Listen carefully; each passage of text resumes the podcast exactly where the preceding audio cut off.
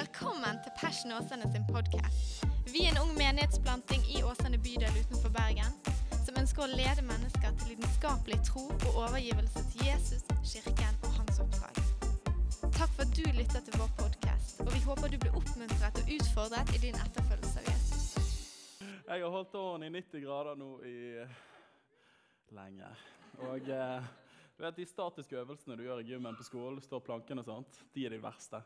Så jeg kjenner nå at når jeg liksom eh, slipper han ned så liksom, OK, det er fint. Du, så bra. Oi, oi, oi. Kan vi bare begynne å be litt? Grann? Jeg kjenner, jeg pleier jo alltid å be etter jeg har lest teksten, men nå, bare kjenner, nå, treng, nå trenger jeg å be. Så det er Jesus, Jesus, vi elsker deg, Jesus. Og Herre, Det var din idé at vi skulle få barn. Det var din idé Herre, at det kom til å være litt slitsomt. Herre, og Du kaller oss likevel her til å følge deg, Jesus, selv om vi har barn. Herre. Det er helt utrolig. Men Gud, jeg bare ber, Herre, om at eh, Først bare ber jeg, Herre, fyll meg med din kraft og med din ånd, Herre. Om at ditt ord får lov til å, å bli løftet opp i dag, far på en sånn måte at det kan tale til våre hjerter, far. At det ikke først og fremst bare beriker våre hoder, men at det beveger våre hjerter, Herre. Og at det ender opp med å bevege våre hender i hverdagen, Herre. Det er bønnen min, Jesus, for de øyeblikkene vi deler, for. Jesus, det ordet for dette året er ekte liv, Herre. Vi ønsker virkelig å følge deg. Og vi ønsker virkelig å bli mer glad i deg, Jesus. Vi ber om det. Hei, ja, ja. Eh, I Jesu Kristi navn. Alle sammen? Amen, amen. Du, Utrolig kjekt å uh, kunne få lov til å være her sammen med dere i dag. Jeg uh, gledet meg til denne gudstjenesten her. Jeg, eh, alltid stas å begynne på et nytt semester. Nå hadde vi Heart and Soul nå på torsdag. Og eh, altså her, vet du, vi bare hopper fram i sliden. Frykt ikke. Jeg har kontroll. Eh, det går bra. Spoiler. Uh. Men du, vi bare sier Yes, OK. Kom, Jesus. Amen. Du, Veldig kjekt å se alle sammen. Eh, er dere klar for å være litt i Guds ord? Er dere klar for det? Så bra. Eh, vi hadde en fantastisk Heart and Soul på torsdag. når vi møttes her. Heart and Soul det betyr hjerte og sjel på norsk og eh, hjerte og sjel på nynorsk. Og... Der snakket vi litt. Jeg synes det var så deilig, Ulike folk i fellesskapet som delte hva betyr Jesus for oss, hva betyr det å være et hjem, og hva betyr verden. Jeg synes Det var så vakkert å kunne få lov til å være med på den kvelden og tiden vi hadde i Guds nærvær sammen. Vi kjenner også på det ordet innenfor det nye året at det er med ekte liv. At vi, ikke, vi er lei av å leke kirke, men vi har lyst til å leve kirke. Vi har ikke lyst til å være profesjonelle, men vi har lyst til å være personlige. da. Eh, for dette, livet finnes der fasadene faller av. Så det er det vi drømmer om. Eh, men i dag så skal vi ikke gjøre noe annet enn det. Men jeg har kjent på et ord i mitt hjerte for, eh, for eh, denne søndagen her. Og jeg tror for den tiden vi går inn i, både for oss som forsamling, men òg for oss som enkeltmennesker. Og Teksten vi skal lese i dag, er å hente fra 4. Mosebok, til 13. kapittelet. Det er kapittel 13 og 14. og eh, du trenger ikke å frykte. Vi skal ikke lese hele kapittelet, selv om det er veldig gode kapitler. Anbefaler å gå hjem og lese de kapitlene hvis du har litt tid. Eh, men bakgrunnshistorien er her at vi har kommet til fjerde Mosebok. Og eh, I begynnelsen, i urfortellingen til israelsfolket, så møter vi det tolvte kapittelet i første, i første Mosebok. Det er jo vi som kom med kapittelet på tusentallet. eller noe sånt. Men der møter vi en fyr som heter Abe, Abraham, da, eller Abraham på norsk. Og eh, Hvorfor sa jeg det på engelsk? Han heter Abraham. Og, eh, og han, eh, han, lever i Ur i Kaldea. Det er et sted som vi ikke helt vet hvor er, men hvis jeg eh, kan min bibelske geografi nok, så er det Irak, dagens Irak. da. Og Der lever han sammen med familien sin. De har det fint, de har slektstreff, de har gode stemninger osv. Og, og, og så kommer Gud til han og taler til han, og Han kjente ikke Bibels Gud på det tidspunktet. her. Og Så sier han, 'Abraham, Abraham, jeg kaller deg ut fra Ur i Kaldea.' Det var kult. Uri Kaldea. Og jeg sender deg til et land som jeg skal vise deg. Og så taler Gud til han, og Kanskje dere husker bibelfortellingen fra søndagsskolen. At han ser opp på himmelen ser det kjempemasse stjerner der oppe, og Gud bare sier ser du alle de stjernene der? Prøv å telle dem. Og han bare 1, 2, 3, 4, 5, 6, 10, 8, 10, 1000, 20 Han bare klarer ikke å telle dem. Og så sier Gud så mange skal slekten din bli. Og eh, han begynte å bli gammel. Han begynte å få rynker, han måtte begynne å gå med baggy bukser. han kunne ikke gå med trange bukser, for han begynte å bli gammel. Og så hadde ikke de fått barn ennå. Og Sara hun hadde jo nærmet seg snart 100 år, og så kommer løftets sønn, som er Isak. Og Gud taler til Abraham og sier at dere skal bli et svært folk, og dere skal få et eget land. Og det ser jo bare helt klin umulig ut. Vi klarer ikke å få kids, og vi klarer ikke å bo i Kanan-land, for der bor det andre folk. Men så kommer Isak på mirakuløst vis etter at han har liksom gjort en tabbe og, og fikk en som het Ismael. Men det er så deilig når Gud forteller historien. Jeg vet ikke om dere har satt det i Romerbrevet når Gud forteller historien. Nå er jeg allerede ute på vidne. Men så nevner ikke han Ismael engang. Han bare sånn, han tvilte ikke i vantro på Guds løfter. Jo, det gjorde han. Men når Gud gjenforteller historien vår, så er det gjennom nåde. Så da bare forsvinner minustegnet, og så er det bare plusstegnet. Er du klar over hvem som har det største hukommelsestapet i hele universet? Det er Gud. Han glemmer syndene våre når vi ber om tilgivelse. Whatever. Men Isak kommer, og Isak lever livet. Og så sier han jeg lovte faren din at, få, at dere skulle få et eget land. Og dere skal bli et stort folk. Og Han slet ikke med fruktbarheten. De fikk et par folk. Men det tok liksom ikke helt av der heller. da. Og så gikk det fra Isak til Jakob. Og så kommer Jakobs sønn hans igjen, og dette er stamfedrene til Israel. Og ikke han heller fikk ikke se løftesoppfyllelsen av det store folket og et eget land. Og så får Jakob med årene etter hvert med konen sin Rakel Rebekka mm, Hjelp meg. Rakel. Dette bør jo en pastor vite. Jeg kan det egentlig. Men så får han Josef.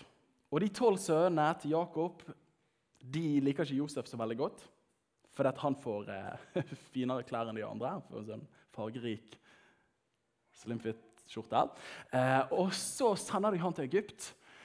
Og det som er interessant er, Etter hvert så kommer, blir det hungersnød i landet. Det er liksom lang introduksjon til teksten min i dag, men keep in there. It's coming to a point. Og Så kommer disse brødrene til Josef etter hvert ned til Egypt. for dette er hungersnød i landet, og Josef har blitt nestkommanderende etter farao. Og Han styrer korn-supply-lagrene der nede. Og så etter hvert med litt snøtt og tårer, og de finner hverandre og de tilgir hverandre, så inviterer han Jakob far og alle brødrene med familie til å flytte ned til Egypt. Og der blir de boende i 450 år. Og Gud ga et løfte til Abraham og sa dere skal bli et stort folk og dere skal få et eget land. Og etter så mange år så hadde de ennå ikke fått noe av løftet. Men så er de 450 år i Egypt. og Det som skjer i Egypt, er at de begynner å bli undertrykt av egypterne fordi de vokser og vokser. og vokser og vokser. Og Dette er en liten parentes, men det ble så oppmuntret når jeg studerte at 50% av løftet Gud ga til Abraham, ble oppfylt i Egypt. For der ble de til et stort folk. Men de var òg slaver der. Hva betyr det? Jo, av og til så former Gud oppfyllelsen av løftet gjennom lidelsen du og meg går gjennom. Det ser ikke ut som dette var poenget, men plutselig er det akkurat der løftet begynner å skje. da. Men etter 450 år så kommer Moses, og Gud taler til Moses og sier han, Moses, du skal føre folket, dette svære folket, 50% av løftet har gått i oppfyllelsen, du skal føre det inn i det lovede landet, det som du talte til stamfaren for mange hundre år siden. Heftig. Det er sånn han hadde vokst opp med å høre på søndagsskolefortellingene. Og så drar de ut etter ti landeplager i Egypt, og dere har sett prinsen av Egypt osv. Og så drar de ut og kommer til ørkenen, og da leser vi her i det 13. kapittelet i 4. Mosebok. og så står det her, Herren talte til Moses og sa, send ut noen menn for å speide på Kanans land, som jeg skal gi Israels barn. Kanans land, det han hadde lovet Abraham for flere århundrer siden. Fra hver av stammene til deres fedre skal dere sende ut én mann, en høvding blant de. Altså tolv speidere ble sendt ut, for dette var tolv stammer. Og blant de var det to typer som het Kaleb og Josva. Så sendte Moses de ut for å speide på Kanans land. Og han sa til dem, se hvordan landet er, om folket som bor der, er sterkt eller svakt, om de er få eller mange. Se om landet de bor i, er godt eller dårlig. Om byene de bor i, er som leirer eller festninger. Om jorden er fruktbar eller mager, om det er skoger der eller ikke, om de har Ikea eller hva enn det måtte være. Vær sterk og ta med dere noe av frukten fra landet. Så står det her, bare som et eksempel, at de tok en kvist med en drueklase på. Og to av de bar de mellom seg på en stang. Ganske heftige druer, like store som vannmeloner. Og Etter å ha speidet på landet i 40 dager vendte de tilbake igjen. De avla vitnesbyrd for de og for hele menigheten, og de viste de fram frukt, frukten av landet og ga de appetizers fra landet, disse tolv speiderne. Veldig fascinerende historie. Og så kommer det her, vet du. Og Så begynner de å fortelle, og så sier de vi kom inn i det landet du sendte oss til, Moses. Og sånn det, det flyter med melk og honning. Jeg vet ikke hva, liksom, i dag hva det betyr. Melk og honning er kanskje ikke det man lengter mest etter. Det flyter av Tesla og eneboliger der. Og her er noe av frukten derifra. Og så kommer folket. Men Det er et mektig folk som bor i landet. Byene er befestet og meget store. Og Så begynner de å legge ut om hvor vanskelig det er. Og Så kommer Caleb og han sier hysj på folket foran Moses. Og han sa la oss for all del dra opp til landet og ta det i eie, for vi kan klare å få makt over det. Men mennene som hadde reist opp sammen med han, sa vi kan ikke klare å dra opp mot dette folket, for det er sterkere enn oss. Og de talte ille om landet de hadde speidet på. Og de sa til Israels barn dette landet som vi har dratt gjennom for å speide på, er et land som fortærer de som bor der. Og det er høyvokste menn der. De er svære. De er sønner av Anaks-kjempene. Og vi var som gresshopper i våre egne øyne. Og det var vi òg i deres øyne. Det var interessant at De visste hvordan de så på dem når de ikke snakket med dem, for de var jo speider i 40 dager. Og så videre. Men interessant. Og så hever hele menigheten sin røst, og så begynner de å klage, og så blir de veldig sure. og Så kommer Kalab og Josfa igjen, og de bare sier nei, men la oss for alle dra opp. Og da blir de så sinte på dem at de har lyst til å steine dem, og så kommer Gud og berger at det akkurat ikke skjer. Og så sier Gud til Abraham så sier han, du, disse folkene her skal ikke få se det landet er tilsverget fedrene. Heller ingen av de som viste forakt for meg, skal se det. Altså De de ti speiderne skulle ikke få se det, pluss alle som var 20 år og eldre. Men så sier han, men fordi det er en annen ånd i min tjener Caleb, og han har fulgt meg helt og fullt, dog Josva, vil jeg føre han inn i det landet som han kom inn i, og la etterkommerne hans få arve det. En lang, lang bibeltekst, men en veldig spennende bibeltekst og en fyldig bibeltekst. Og Jeg har lyst til å tale i dag over dette ordet her, et troens folk. Et troens folk. Og Denne fortellingen om israelsfolket er jo ikke bare en fin fortelling som var veldig koselig å ha for søndagsskolen når vi var små, men jeg tror at denne fortellingen her presenterer en tidløs utfordring for alle mennesker. Og jeg tror han presenterer en utfordring for oss som enkeltpersoner, men òg for oss som menighet. Som enkeltpersoner skal vi våge å tro det Gud taler om oss. Og våge å tro det Gud taler over livene våre, det han har kalt oss til. Eller skal vi godta status quo og tenke at vet du hva, sånn som dette her var det i foreldrene mine sitt liv? Denne vansken var det i slektstreet mitt på den tiden for flere år siden. Det er det fortsatt nå. Hvordan vet jeg om jeg kommer til å lykkes hvis jeg går ut imot den utfordringen der? De kjempene som jeg har i livet mitt. Kanskje jeg bare skal godta at situasjonen er sånn som den er. Kanskje ekteskapet, kanskje den relasjonen, her, kanskje økonomien. Kanskje dette er bare loddet mitt i livet. Kanskje jeg bare skal godta det. Og Kanskje jeg skal droppe de løftene og de forhåpningene som Bibelen løfter opp, som tilsynelatende Gud har talt meg gjennom andre mennesker. Vi blir fristet til det. da. Dere kjenner dere igjen i det. Men òg som menighet, og kanskje enda mer som menighet, som Guds folk i den tiden vi lever i. Skal vi ta og ta gardiner for på bedehuset? Skal vi kjøpe inn nok Frilekaffe og ha Marie-kjeks til de neste 20-30 årene? Bite tennene sammen, gjemme korset under turtlenecken og bare håpe at Jesus kommer snart igjen? Eller skal vi våge å tro at de løftene, de ordene som Gud løfter opp i sitt ord, og sier at vet du hva, det finnes en morgendag der ute som er lysere enn fortiden har vært? da? Skal vi våge å lene oss inn og være en fremoverlent kirke som Passion? Og som enkeltpersoner? Eller skal vi godta status quo og tenke at vet du hva, dette var det vi fikk, og det var OK? Skal vi være tilfredsstilt med en ørkenvandring, eller skal vi komme inn i et lovet land der det bare spruter av melk og honning og Tesla og eiendommer? Nå høres det ut som jeg er prosperity preacher. Herlighetspredikant. ikke det det handler om først og fremst. Men det handler om å kunne få lov til å si at løftene som Gud har gitt, får lov til å bli oppfylt i livet vårt. Skal vi være sånne mennesker, og skal vi være en sånn kirke? Jeg vet at det er fristende å omfavne omgivelsene og forsake overbevisningene. For det er et spenn mellom det du ser på innsiden, og det du ser på utsiden, kan av og til være så utrolig smertefullt å leve i. det. For våre egne liv, men ikke minst også som Guds folk i Norge. Og en tanke som jeg har tenkt, Dere har helt sikkert hørt disse ordene her, men vi lever i en etterkristen tid. Har dere hørt det? Vi lever i en etterkristen tid. Det var så mye bedre før i tida. Da hadde vi liksom salmebok, og alle gikk på bedehuset. Og Det var liksom, det var den kristne klimakstiden. Mens nå lever vi i etterkristen tid, og nå går det bare rett ned og under. Vi har kulere lyd og lys, og sånt, men det er bare for å kompensere for at det er enda færre folk i kirkene. Og så var det en fyr som sa jeg synes, sa det så genialt, han sa, lever vi i en etterkristen tid, eller lever vi i en førkristen tid? Jeg bare sa yes, yatzy, jeg er med på den tanken der. For det kan se likt ut, med forventningen du møter framtiden med, er vidt forskjellig. Så skal vi våge å være fornøyd med bare et løfte? Eller skal vi våge å presse på og tenke at vi har lyst til å få oppfyllelsen av løftet. Jeg tror, Hvis vi er etterfølgere av Jesus, både som eh, enkeltmennesker og som menighet, så har ikke vi et valg. egentlig. For Bibelen kaller oss til å være et troens folk.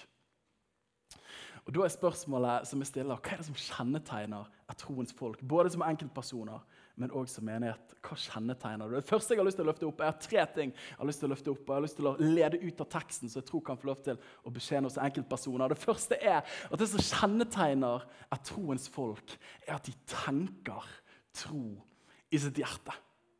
Det første kjennetegnet med troens folk, både som enkeltpersoner og som menighet, er at man tenker tro. Vi leser i teksten her. Vi leser i teksten her. I 4. Mosebok i det 14. kapittelet 24. verset så står det at fordi det er en annen ånd i min tjener Caleb og dog Josva, og han har fulgt meg helt og fullt, så skal jeg føre han inn i det landet han kom inn i, og la hans etterkommere få arve det.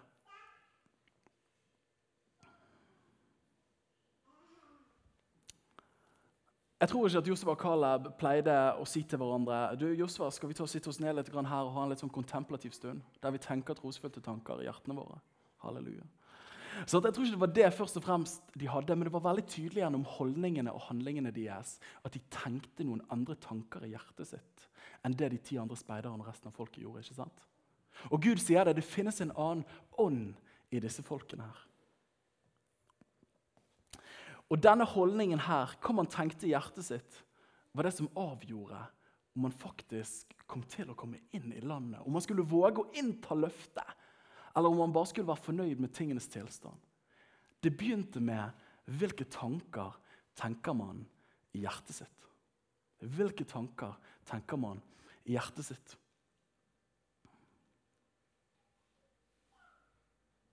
Ordspråkene 423. Husker da jeg vokste opp så Mamma lærte oss mange bibelvers, men et av de bibelversene så hun bare sa Daniel, dette her må dere bare kunne. Det var ordspråkene 423. og der står det, Hva står det der? Du skal bevare hjertet framfor alt du bevarer, for livet utgår fra da. Daniel, du må passe på hjertet ditt uansett. Du må passe på hva du ser på TV. liksom. Passe på hva du fyller det med, For livet kommer til å gå ut ifra det. Og det er faktisk helt sant. da. Ordspråkene 23,7 så står det videre der, der står det at for man som man tror i sitt hjerte, slik er han. da. Og det er fascinerende, da. For det, er ikke sikkert at Det er ikke sikkert at man er slik man tror. Men så lenge du tror det i hjertet ditt, så vil du oppføre deg som om det er sant. Og Det var en gammel gresk dikter som sa at 'what people believe will prevail over the truth'. At det folk tror om seg sjøl, vil være en større realitet enn det som faktisk er sant. Så det begynner med hva tenker man i hjertet sitt? Hva tror man i hjertet sitt? Tenker man tro i sitt hjerte, eller tenker man vantro? Disse speiderne kom inn i landet, og de så akkurat det samme. Men pga. at utgangspunktet i det man tenkte sitt hjerte, var forskjellig, den ene tenkte tro, den andre tenkte vantro, så var holdningen til om man skulle innta det, og faktisk om man fikk oppfylle løftet, var avgjørende for hva man tenkte i hjertet sitt. Og Som ungdomsleder og som lærer så er det fascinerende å se noen elever. Du har noen elever som tydeligvis kommer fra hjem der de bare har blitt pumpet opp med trostanker fra de var små. Så Du kan stå i klassen og si du, hvor mange tall er det etter pi. liksom? Og så har du en person som bare sier jeg vet hvor mange tall som er etter pi. Jeg, sånn, jeg tror egentlig det er endeløst. Nei, det er ikke endeløst, skjønner du, for det er 3767 tall. Er ingen som har telt så langt før, men jeg har gjort det. Så jeg vet at det er liksom der. sant? Du har de folkene som er bare helt der. da. Og så bare, ja, kan du vise meg? Ja, ja, 1, 7, 8, 3, 4, 8, 12, 1. Og så bare fortsetter. Og sånn her, du er nesten så du begynner å tvile sjøl. Finnes det faktisk? Har de rett? liksom? For de har bare en sånn attitude av tro over seg. skjønner du hva jeg mener? Og så har du de folkene som vet at 2 pluss 2 er 4, men pga. de tenker så lavt om seg sjøl, sier de jeg tror kanskje det er 4, men siden det er jeg som skal tippe, så tipper jeg det faktisk er noe annet. Sånn, for det at som man tror i sitt hjerte, slik oppfører man seg. Så hva tenker vi i hjertene våre hvilke tanker tenker vi i våre hjerter, om det er trostanker eller vantrotanker? Det vil avgjøre, sier denne teksten, og sier Guds ord òg, på om man kommer inn i det Gud har for en, eller ikke. Både som enkeltpersoner, men òg som menigheter. Tenker vi trostanker, eller tenker vi vantroe tanker? Og det, I forrige århundre så var det en bok i USA som ble gitt ut som heter 'Power of Positive Thinking'. Og du tenker, Er det en selvhjelpsbok? Ja, du har helt rett. det er det. Og Det var en presbyteriansk pastor som skrev den boken, men han skrev den for det store publikum. Og Han sier noe sånn som dette her. Norman Winston Peel heter han. Han sa at «If you believe you can, or you believe you can't, you're right!» Hvis du tror du kan, eller hvis du tror du ikke kan, vet du hva? Du har rett. For det livet er på sånn fornurlig vis, så er det sånn at det man tror, ender man ofte opp med å ta imot. Og som regel får man det man forventer. Og Da er det så viktig. Hva er det du og meg tror i hjertene våre? Det er ikke uviktig, for der leves livet ifra. da. Den amerikanske forfatter og filosofen Skal vi se, Hva var det han het igjen? Jeg tror ikke han har glemt det. Jeg har glemt det. Han heter Ralph Waldo Emerson. Han sier disse ordene her som dere sikkert har hørt før. Så en tanke, og du høster en handling. Så en handling, og du høster en vane. Så en vane, og du høster en karakter. Så en karakter, og du høster et liv. Du høster et destiny. da. Men det begynner med hvilke tanker tenker vi i hjertene våre. Hvilke tanker tenker vi i hjertene våre?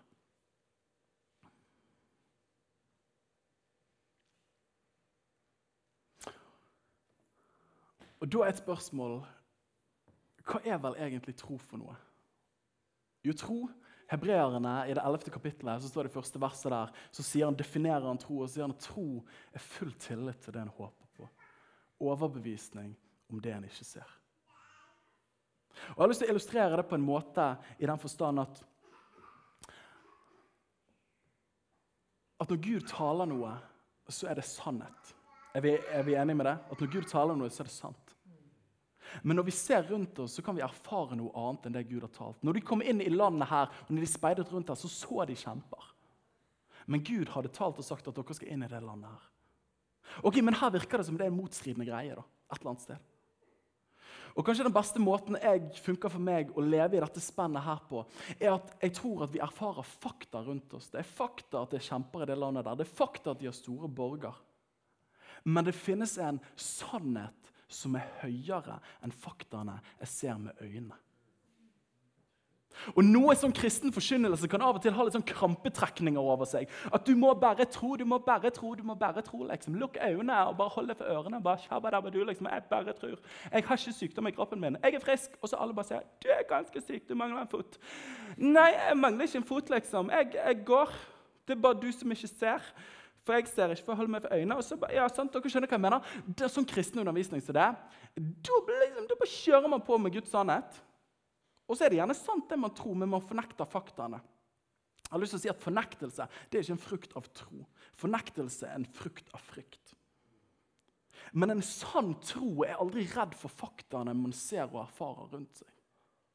For det at En sann tro handler ikke om at man fornekter faktaene, men det handler om at man legger sin tillit og sin vekt på en sannhet som er enda større. Jeg kan kanskje erfare sykdom nå, men jeg tror at sannheten er at Jesus døde for min sykdom, sånn jeg kan erfare helbredelse. Er dere med meg? Man erkjenner faktaene, men man legger tilliten og troen på en sannhet som er enda større. da. Er ikke det fantastisk? Så det at Når Gud kaller oss til å tenke tro i hjertene våre, så er det ikke å liksom ta ned gardinene for øynene våre. liksom fornekte alt som skjer rundt der. Nei, nei, nei, Han sier anerkjenn hvordan det er der, men velg å legge vekten din og overbevisningen og troen og tilliten på min sannhet, for den er større og sterkere. Og Paulus sier det sånn, Den store strategen i den første kirken han sa i 2. Korinterne 5, så sier han at for vi lever ikke ved det synlige, men vi lever ved det usynlige. Vi vandrer ikke ved det synlige, men vi vandrer ved tro. Og da, vet du hva? Jeg har en skikkelig havregrøt til dere i dag. Altså. Jeg bare kjenner Det er masse budskap her. Men jeg skal preke det så godt jeg kan til dere.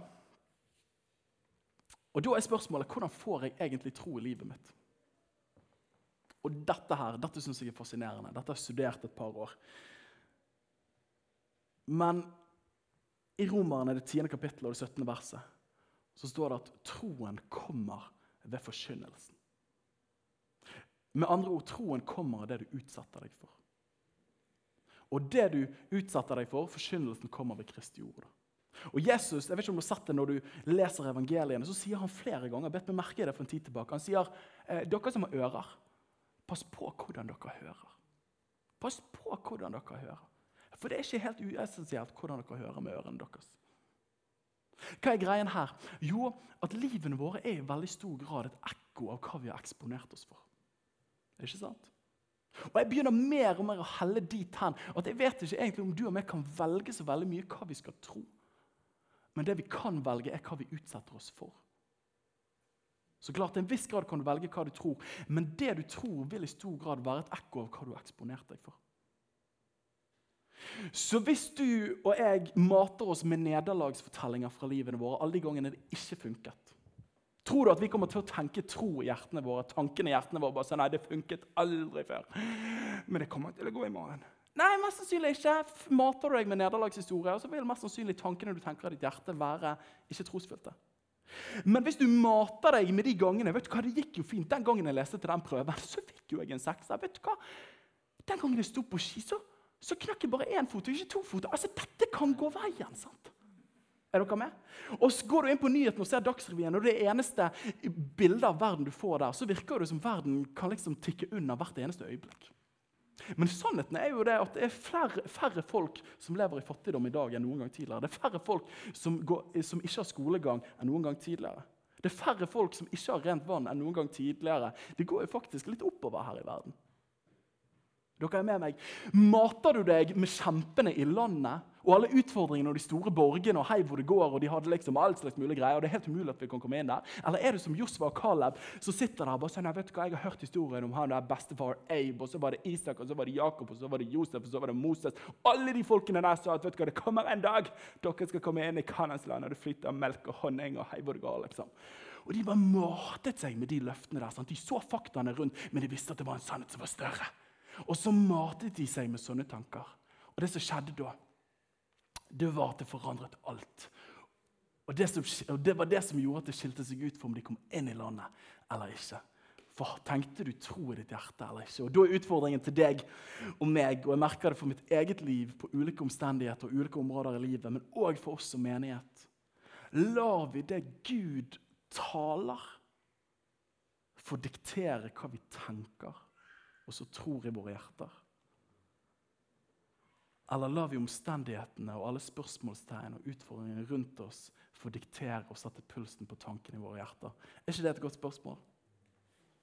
Jeg drømmer om å få lov til å være en enkeltperson og en menighet der vi lar det Gud taler, og de løftene han har gitt, være det som setter dagsorden for tankene i våre hjerter.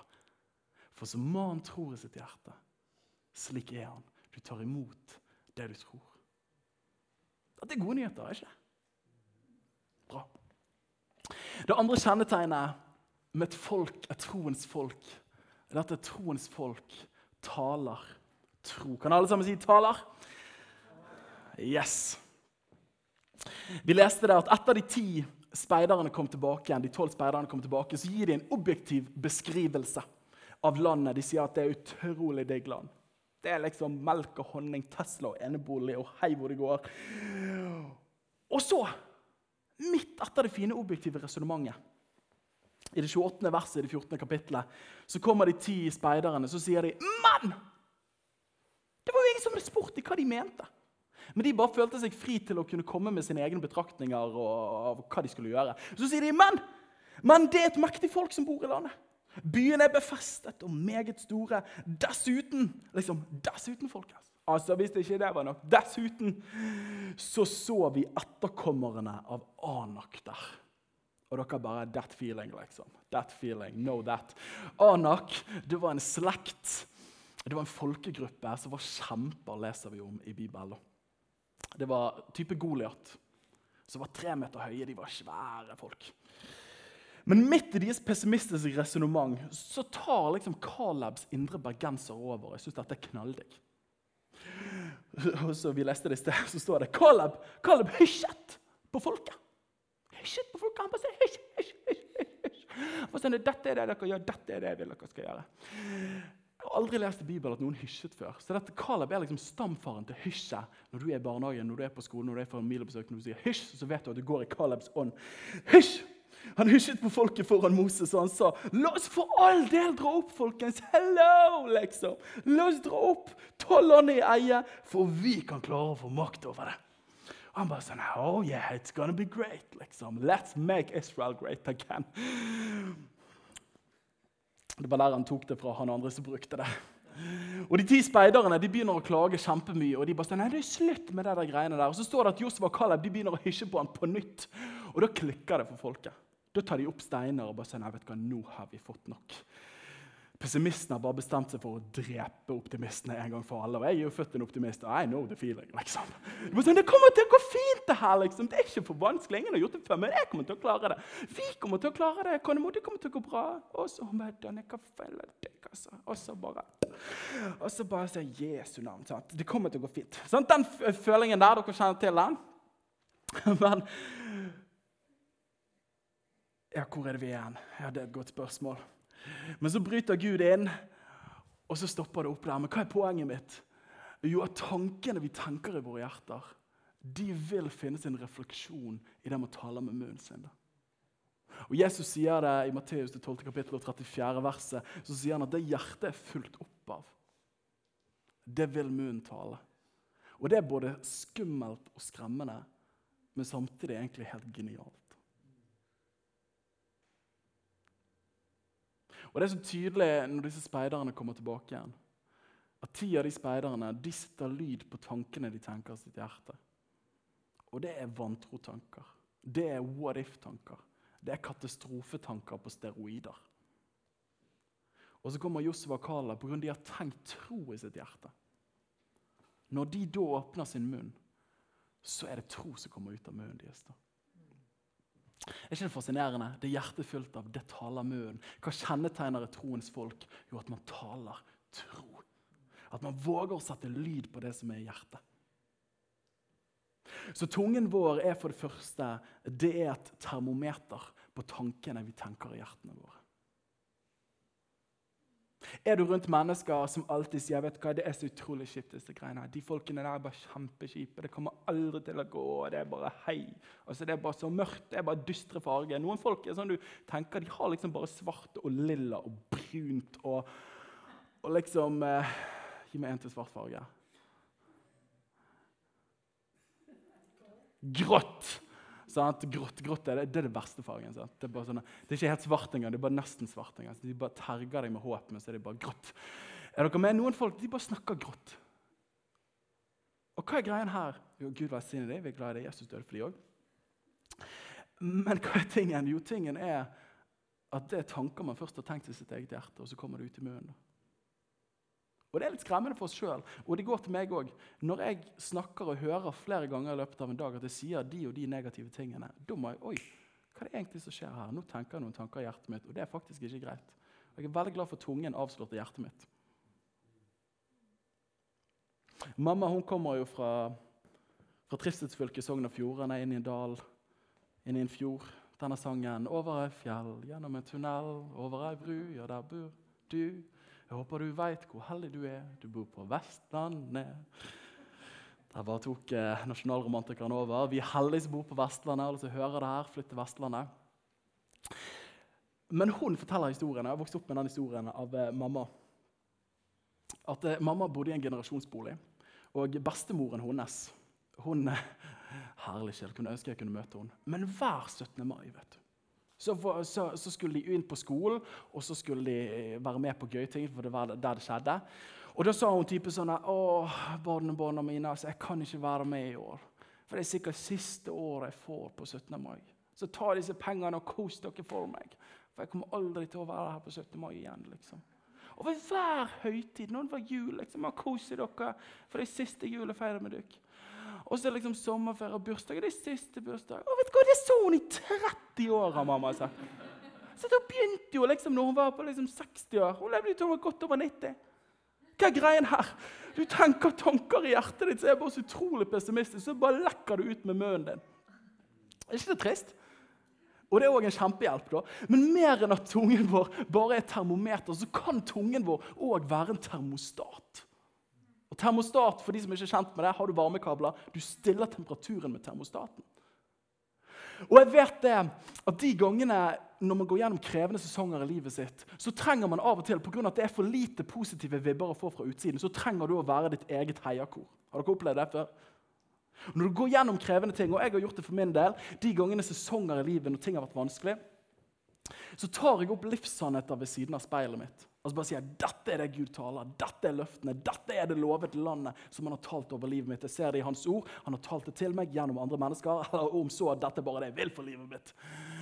Så står du opp om morgenen, og av og til kan du kjenne at det er en sky over tankene dine. Og det er bare sånn, dette her er forferdelig. Og Da trenger du å gjøre Romerne 10-17 til ditt eget vers. Nemlig at troen kommer av det du utsetter det for. Og Da trenger du å være din egen eksponering. Så da står jeg i speilet. Det første jeg gjør, jeg tasser liksom opp fra sengen og går inn i speilet, trøtt i øynene, jeg nikker meg i øynene, så står livssannheten på siden der, og jeg bare kjenner at følelsen er forferdelig på innsiden. Men så taler du det ut og bare sier, vet du hva? Jeg skal ikke bare reagere på livet, men jeg skal definere livet. Og så begynner man å tale utro. Vet du hva? Jeg kjenner på frykt, men Guds ord sier frykt ikke, for jeg er med deg. Jeg lurer på om jeg noen gang kommer til å, å, å få et gjennombrudd i denne relasjonen. her. Nei, men Guds ord sier at alt virker sammen til det gode for de som elsker han. Og så taler du ut i ordene. Er dere med meg? Nå er vi litt sånn trosbevegelse her, men det går fint, for det er Guds ord. Og når du gjør det litt etter litt, så forandrer det atmosfæren på innsiden. For da blir du din egen eksponering. Og det er det ordtaket at du trenger å Du kan fange tanken med tungen din. Jeg tror det er et ordtak. Jeg prøvde å google det, jeg fant det ikke. Men jeg tror det er et ordtak. Hvis det ikke, så kommer jeg på det. Men hvis du tenker krevende tanker, så er det vanskelig av og til å sitte i sofaen og si vet du hva, nå skal jeg ha en kontemplativ stund her, nå skal jeg forandre alle tankene mine på 1, 2, 3. Liksom. Jeg skal ikke tenke dette mer. Slutt. Det funker ikke. Av og til så må du snakke med munnen din for å fange tanken din. Og da sitter du i gang en trosbevegelse på innsiden. Forstår dere det? Dere er med på den? Jeg tror at de to sterkeste følelsene kanskje vi mennesker opplever, er frykt, og det er tro. Når disse ti speiderne kom tilbake, så talte de frykt ut. Og det satte mismot i hele folket, sånn som vi leste om. Frykt smitter. Men på samme måte 28.8.1963, foran Lincoln Memorial i Washington DC, så står det en mann som heter Martin Luther King jr. Og så har han den tidløse og kjente talen 'I have a dream'. Han taler til over 200 000 fremmøtte der. Og så taler han ut ifra faktisk de versene vi snakker ut ifra, og denne hendelsen med israelsfolket. Så sier han at det finnes et lovet land der framme for vår nasjon. Og det er et lovet land der svarte og hvite barn kan leke sammen. Og at man ikke blir dømt ut ifra fargen på huden sin, men man blir dømt ut ifra karakteren sin. Dere har hørt om den talen der? Og det som skjer, det er at Når han taler den talen der, der de ti speiderne vekket mismot i et helt folk med det de talte, så vekker han tro i en hel nasjon og sier at vet du hva, vi har en mørk fortid, men det finnes en lysere framtid. Det finnes et lovet land, og vi skal der. Den talen var et vendepunkt i borgerrettighetsbevegelsen i USA. Er ikke det fascinerende? Det vi taler, det er ikke bare termometer, men det er òg en termostat for våre liv, men òg for folkene rundt oss. Jeg har lyst til å stille deg spørsmål. Jeg har lyst til å stille meg spørsmålet Hvordan er språket i ditt eget liv? Snakker du deg opp i tråd med Guds løfter? Eller snakker du deg ned i tråd med livets nederlag? Og I møte med oss som kirke og som forsamling taler vi Guds løfter oppover og sier vet du hva, Gud har talt der. Vet du hva, jeg tror det fins en morgendag for Åsane bydel. Åsane bydel har ikke en frikirkelighet som samler mer enn 40 stykker på en søndag.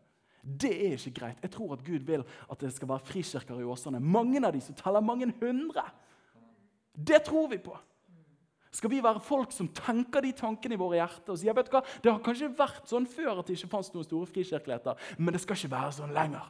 For vi tror Gud har talt, og vi tror at Åsane trenger en levende, sunn og mange levende og sunne Jesus-sentrerte kirker. Er dere med meg? Hvordan taler vi med munnen vår? Jeg vet ikke om dette her kommer til å gå med denne menighetsplantingen. Jo, så klart kommer det til å gå. Har Gud talt, holder vi bare ut lenge nok, så vil det lykkes. da. Åh, hvordan er språket vårt?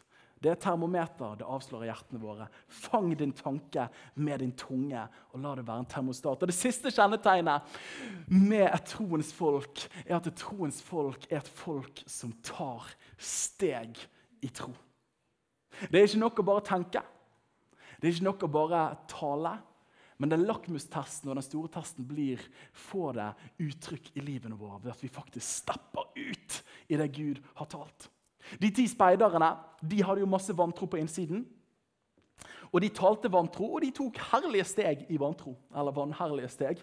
Men de fikk det de forventet. They believed they can't, and they were right! Men Josef og Caleb de var jo bare sånn her, jeg ser faktaene, men Gud har talt. Jeg var på bedehuset, og han sa at dere skulle få et lovet land med melk og honning. halleluja. Sånn? Og de var bare, vi går for det. Og de trodde det i sitt hjerte, de talte det med sin munn, og de tok steg. Og Du kan lese ut i 5. Mosebok og Josefas bok. Det er fortsettelsen på hvordan de inntar landet. De fikk løftet fordi de steppet ut i tro. Den kjente kristenlederen John Wimber, som ledet Winyard-bevegelsen, en fantastisk menighetsbevegelse global i verden, han sa det sånn som dette her, at tro staves jo, hvis vi er ærlige med hverandre, R-I-S-K-O. Risiko. For det finnes jo den mulighet at når jeg trår ut i tro for det han har talt, så er jo ikke det sikkert at det lykkes med en gang. Og Det tror jeg vi alle kan erfare i livene våre. At du har fått det ordet, du har fått det løftet, og du bare 'Jeg slutter i jobben. Jeg bare går i tro.' Og så bom, så kommer eh, borettslagutgiften. Og du bare 'Herre, nå passer det at du kommer med noe.' Og så kommer ikke det noe. Og så begynner du å selge aviser. Sant? Er du med? For at du stepper ut i tro, men av og til bommer vi på timing. Og av og til skjer det ikke med en gang. Men det er aldri en unnskyldning for å ikke steppe ut i tro. da, folkens. Og Dette er ikke en del av manuset mitt, men jeg kjenner dette er så viktig for meg. Hebreerne 11, troens kapittel. Jeg har lyst til å oppmuntre dere til å lese det når dere kommer hjem. Men der står det rett etter det første verset så står det at ved tro fikk de gamle godt vitnesbyrd.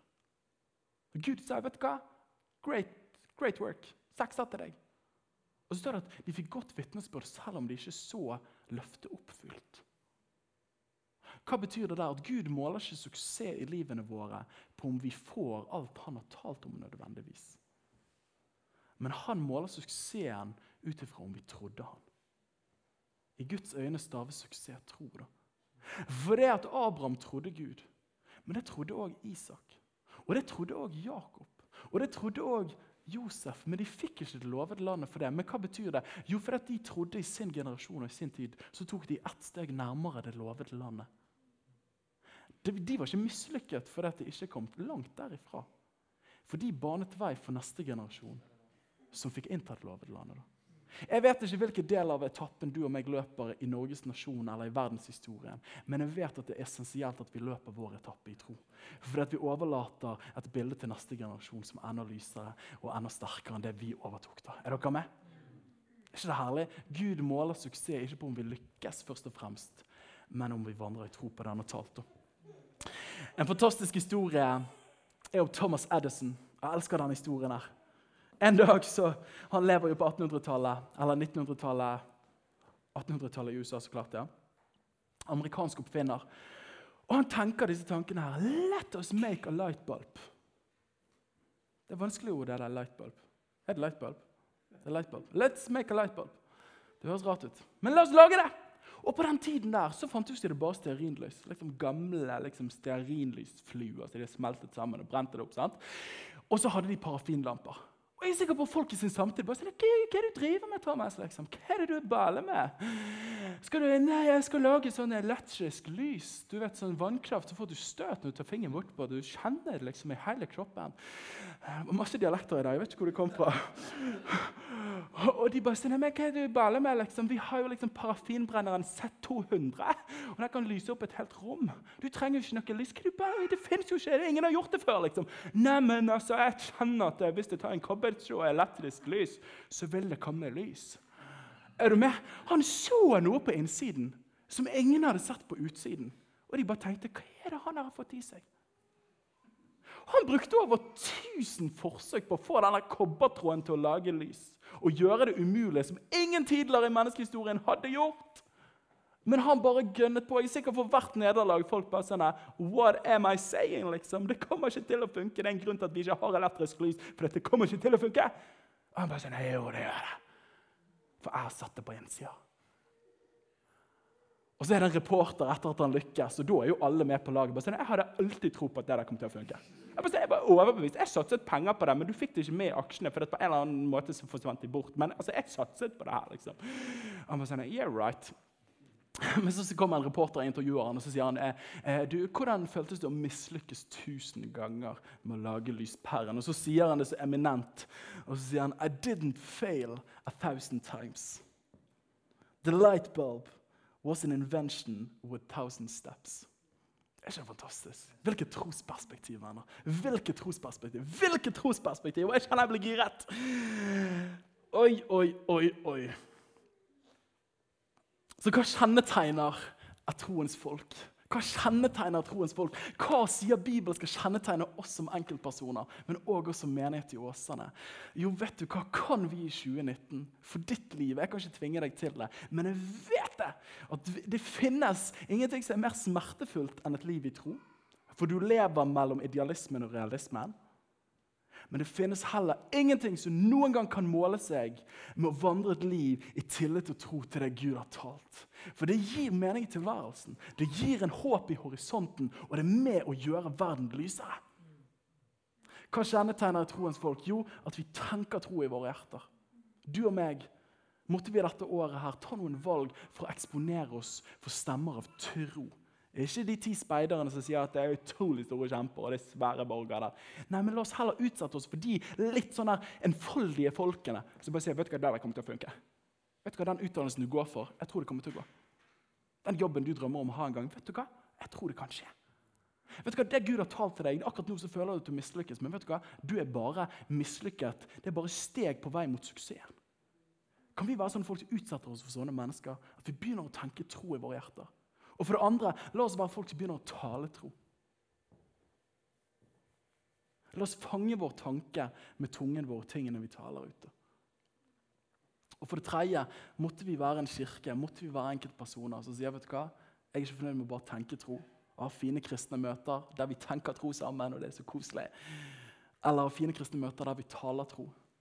Men at vi er fine kristne mennesker som òg tar steg i tro. Da. Så la troen få et praktisk uttrykk i livene våre. Gud har et lovet land for hver og en av oss som enkeltpersoner. Om vi våger å tenke, tale og ta steg i tro mot det han har talt, vil avgjøre om vi vil leve et liv i en ørken, eller om vi vil leve et liv i et land som flyter av overflod. Både som enkeltpersoner, men òg som menighet. Jeg vet hva jeg vil være. Jeg vet hva jeg vil at vi alle skal være. At vi skal være troens folk. Skal vi ta og be sammen til slutt her? Herre, vi takker deg, kong Jesus. Takk for et fantastisk oppmuntrende budskap fra de to, Gud. Om at det finnes et lovet land for hver og en av oss, Herre. Og at din sannhet er større og sterkere enn faktaene vi møter rundt oss i livet. Og Jeg har lyst til å be deg, Hellige Ånd, du som er du som er livgiveren, og du som taler til vårt indre. Jeg ber om at du skal vise oss det året her, som enkeltpersoner, som menighet, Jesus som troens opphavsmann og troens fullender.